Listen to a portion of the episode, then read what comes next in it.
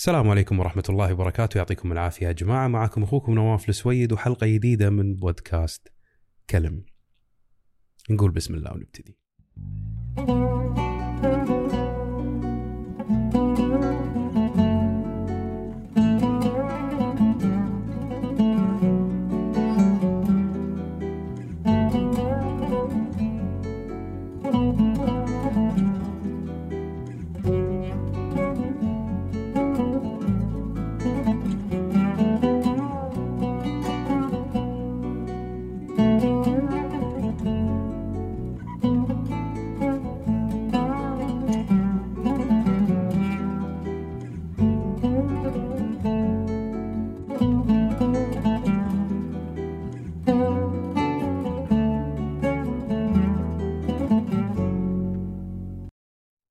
ومرحبا فيكم أعزائي المستمعين في كل مكان. حياكم الله بحلقة جديدة من بودكاست كلم. حلقة اليوم عودة إلى التقنية والحديث التقني. صار لنا تقريبا شهر آه، بعاد عن التقنية بسبب عطلة الكريسماس اللي موجودة في أمريكا والدول الغربية. فدائما في هذه الفترة تقل الأخبار ويقل يعني الجانب التقني ويرجع يعني مع نهاية شهر يناير وبداية شهر فبراير ولكن البداية الفعلية في شهر مارس. حديثنا راح يكون عن الشركة المحببة عندي وحبيبتي أبل. أمس تم الإعلان عن نتائج الربع الأول من أرباح شركة أبل للربع الأول من عام 2021 طبعا شركة أبل السنة المالية مالتها تبتدي في شهر تسعة في شهر سبتمبر من كل سنة للسنة القادمة.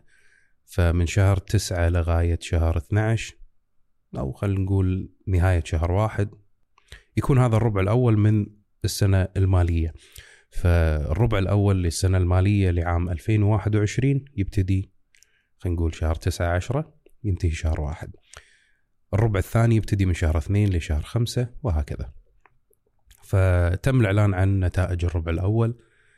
الأرقام كانت خيالية وأرقام قياسية بالنسبة لأبل وبشكل عام آه، قطاع التكنولوجيا والشركات بشكل عام. آه، نسبة الأرباح اللي حصلت عليها شركة أبل بلغت 111.4 مليار الريفنيو العائدات أرباحهم من هذه العائدات الصافي الربح مالهم 28 مليار دولار. العائدات من الآيفون فقط 65.6 مليار دولار. إيرادات الخدمات 15.8 مليار دولار.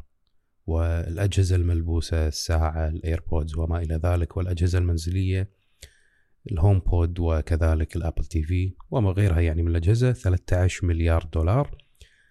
قطاع الماك حصل على 8.7 مليار وقطاع الآيباد حصل على 8.4 مليار دولار. مجموعة من 111 مليار. إحنا يا جماعة قاعد نتكلم عن شركة تبيع تليفون الآيفون والساعة وال AirPods وكمبيوترات الماك وجهاز الآيباد بجانب بعض الخدمات. يعني مجموع أرباحهم يعادل تقريبا أربع خمس دول. هذا مجرد ثلاث شهور وليست سنة كاملة.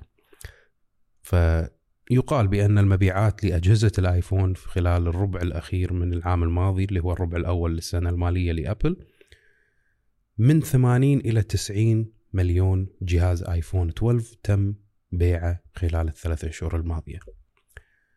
وحاليا هو يعتبر الجهاز الأول مبيعا حول العالم وكذلك جهاز الآيفون الأكثر طلبا ومبيعا.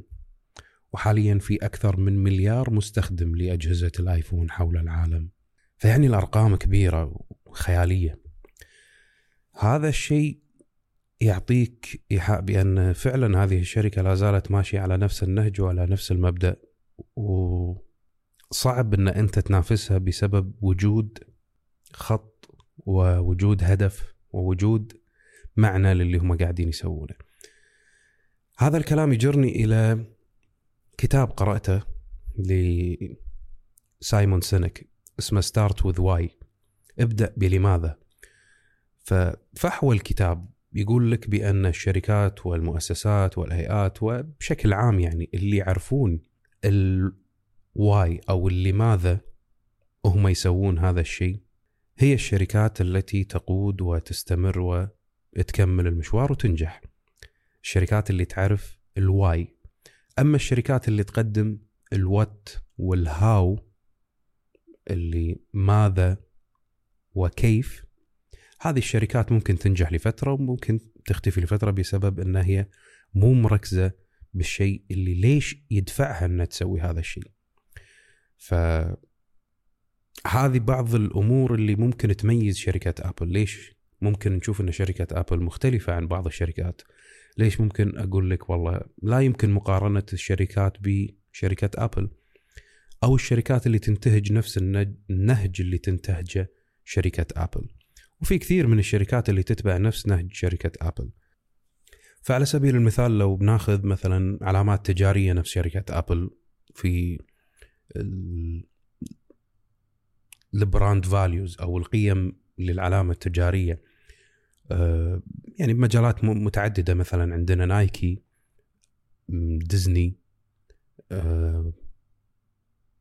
ستاربكس هذه بعض العلامات التجارية اللي في عندها مضمون وفي عندها شيء يسمونه ال core values أو القيم الأساسية للشركة واللي محفور بال DNA بكيفية أو ماهية هذه الشركة وشلون هي تشتغل. ف مثل ما ذكرنا لو بنشوف شركة آبل انه من خلال الكتاب يقول لك إن هي تعرف ال why هي ليش قاعد تسوي كذي فلو بنشوف مثلا دائما في مؤتمرات آبل وكلامهم واللي يقدمونه يقول لك إن إحنا نقدم منتجات تساهم في إثراء حياة الإنسان وتطوره وتقدم له الأشياء اللي تساعده وليس فقط عرض عضلات في مميزات الأجهزة، لذلك لو تلاحظ في مؤتمرات شركة أبل واستعراضها لأجهزتها دائما الأرقام والأشياء اللي تقولها تكون عامة ما تدخل في تفاصيل والله الكاميرا هذه عدد الميجا بكسل هالكثر يوصل لهالكثر يغطي لك ما أدري شنو فتحة العدسة هذا ال technical side أو الجانب التقني قليل في مؤتمرات أبل أو الحديث عنها. دائما تلقى مثلا لو بيتكلمون عن الكاميرا يقول لك تلتقط لقطات جميلة لأبنائك آه، تاخذ صور آه، ذكريات معينة آه، تذكر الزاوية الفل يعني دائما يربطونها في عنصر عاطفي وعنصر ممكن إن أنت ترتبط فيه. ومثل ما يقول جيرالد زولتمان أستاذ في جامعة هارفارد للأعمال يقول إن 95% من قرارات الشراء اللي نتخذها تتم عن طريق العقل اللاواعي أو العقل العميق اللي عندنا ال subconscious mind فأغلب القرارات اللي نتخذها في الشراء تكون من خلال أبعاد مختلفة عن الأشياء اللي نشوفها. فلذلك لو تشوف مثلا مبيعات الآيفون يعني كثير من الناس الحين ممكن يستغرب يقول لك يعني شركة آه، شالت فتحة السماعة آه، شالت الشاحن من العلبة من الكرتون آه، زادت السعر نزلت تليفون غالي. فالأشياء الواضحة للعيان بأن المفروض بأن هذا الشيء ما يبيع إن هذا المفروض ما نبيع ما نشتري لأن قاعدين يقللون ووايد ناس قاعد يبوقون قاعد يسرقون اللي إحنا قاعد يعني اللي يقدموا لنا إياه قاعدين ياخذونه ويعطونا أشياء غالية ويقصون على الناس. يعني هذه إحنا قاعد نعتبرها إن هي مقصة. قاعدين يكذبون علينا ويعطونا منتجات نصكم. ولكن في المقابل تلاقي بأن نهاية كل ربع يتم الإعلان عن المبيعات والأرقام خيالية. الأرقام في ازدياد. فيعني لما تيجي تشوف مثلا في عام 2018 كان عدد المستخدمين لأجهزة الآيفون 888 مليون. في عام 2020 شهر 9 وصلوا إلى مليار. زادوا تقريبا خلال سنتين 200 مليون مستخدم جديد. وخلنا نقول خلال الثلاث سنوات من 2017 ل 2020 كل الناس قاعد تقول أجهزة الآيفون نفس الشيء ما تغير شيء ما فيها شيء جديد نفس ال design. نفس الشيء ما قاعد يتغير ولكن في كل عام تلاقي في ازدياد زين هذا الازدياد ليش؟ إيش حقه؟ شلون قاعد تزيد إذا ما قاعد يقدمون شيء جديد؟ هذا يرجع للي قلناه انه في عندك أنت قرارات تتخذها في ال subconscious mind أو العقل اللاواعي كذلك في عندك قرارات أنت تتخذها من خلال ال word of mouth والشيء اللي معروف بال business ال brand. العلامة التجارية هي اللي تصنع المنتج. كثر ما كانت العلامة هذه لها قيمة معينة تعطيك قيمة إذا أنت استخدمت هذا المنتج أو هذه العلامة راح تحس بشعور معين عند استخدامك لأن هي بالنهاية يعني شيء محسوس مو شيء ملموس.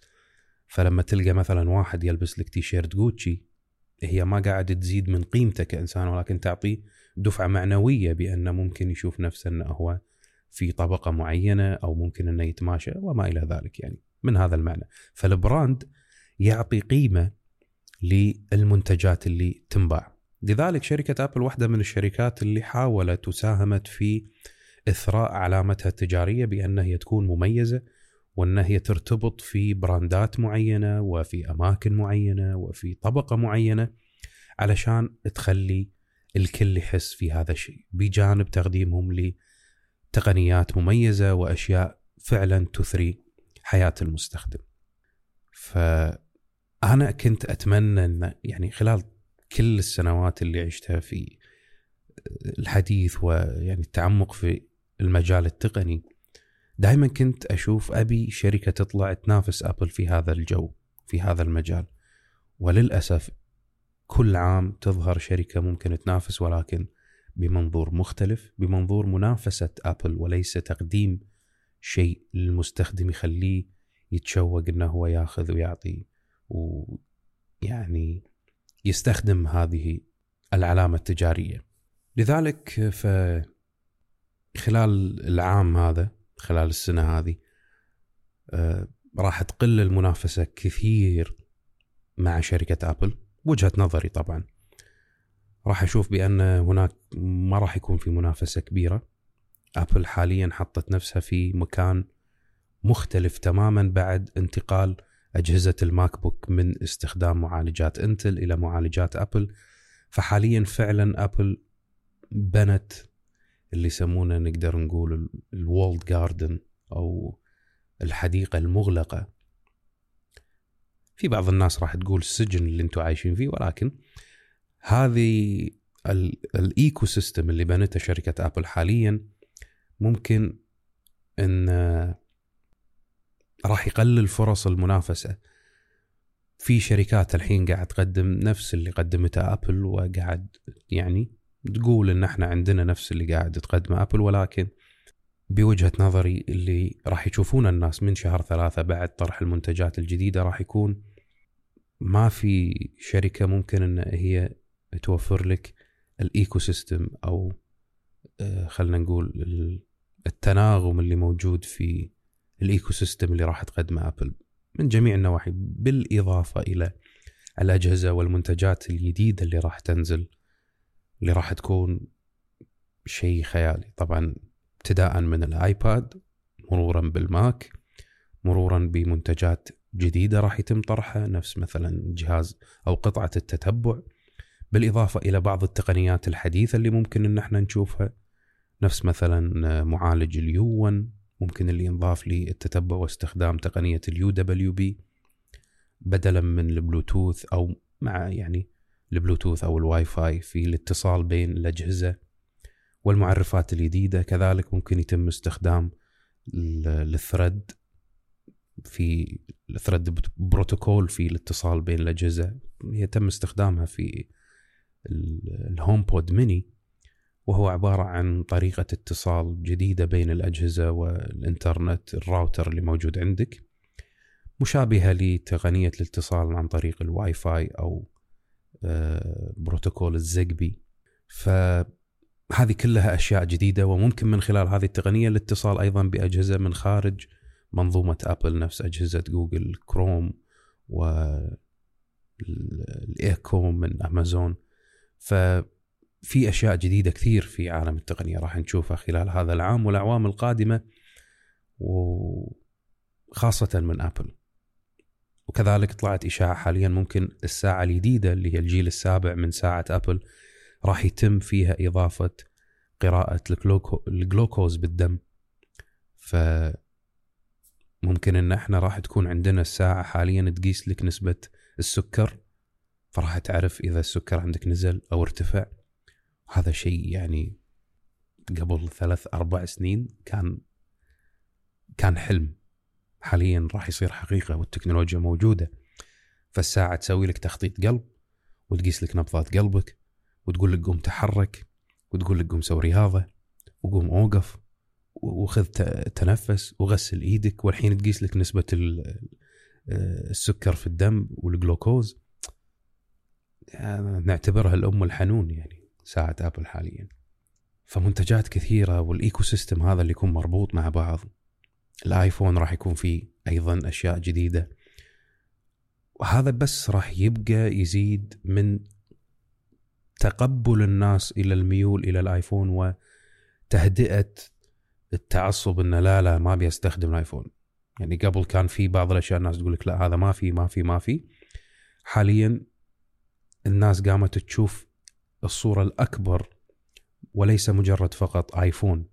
ليس مجرد فقط والله أن أنا بشتري جهاز تليفون من أبل ولكن المنظومة اللي إحنا نبي ندخل فيها وليس فقط أجهزة الآيفون. بإذن الله إن شاء الله راح يعني نخصص بعض الحلقات نتكلم عن منظومة أبل وما هو الممتع في هذه المنظومة وشنو الحلو في ال ecosystem وليش ما في شركات ممكن ان هي تنافس وتقدم ال ecosystem نفس اللي قاعد تقدمه شركة أبل. بإذن الله مستقبلا. هذه كانت حلقة بودكاست كلم لهذا الأسبوع. خفيفة شوي ما حبيت أطول فيها ما أتمنى إذا كان في عندكم مواضيع أو حابين نتكلم عن أشياء معينة يا ريت إنكم تراسلوني عن طريق شبكات التواصل الاجتماعي أو تكتبون تعليقاتكم على البودكاست وبإذن الله إن شاء الله نطرحها في الحلقات القادمة. شكرا لكم على المتابعة والاستماع. اشوفكم إن شاء الله الأسبوع القادم. دمتم بخير. مع السلامة. thank you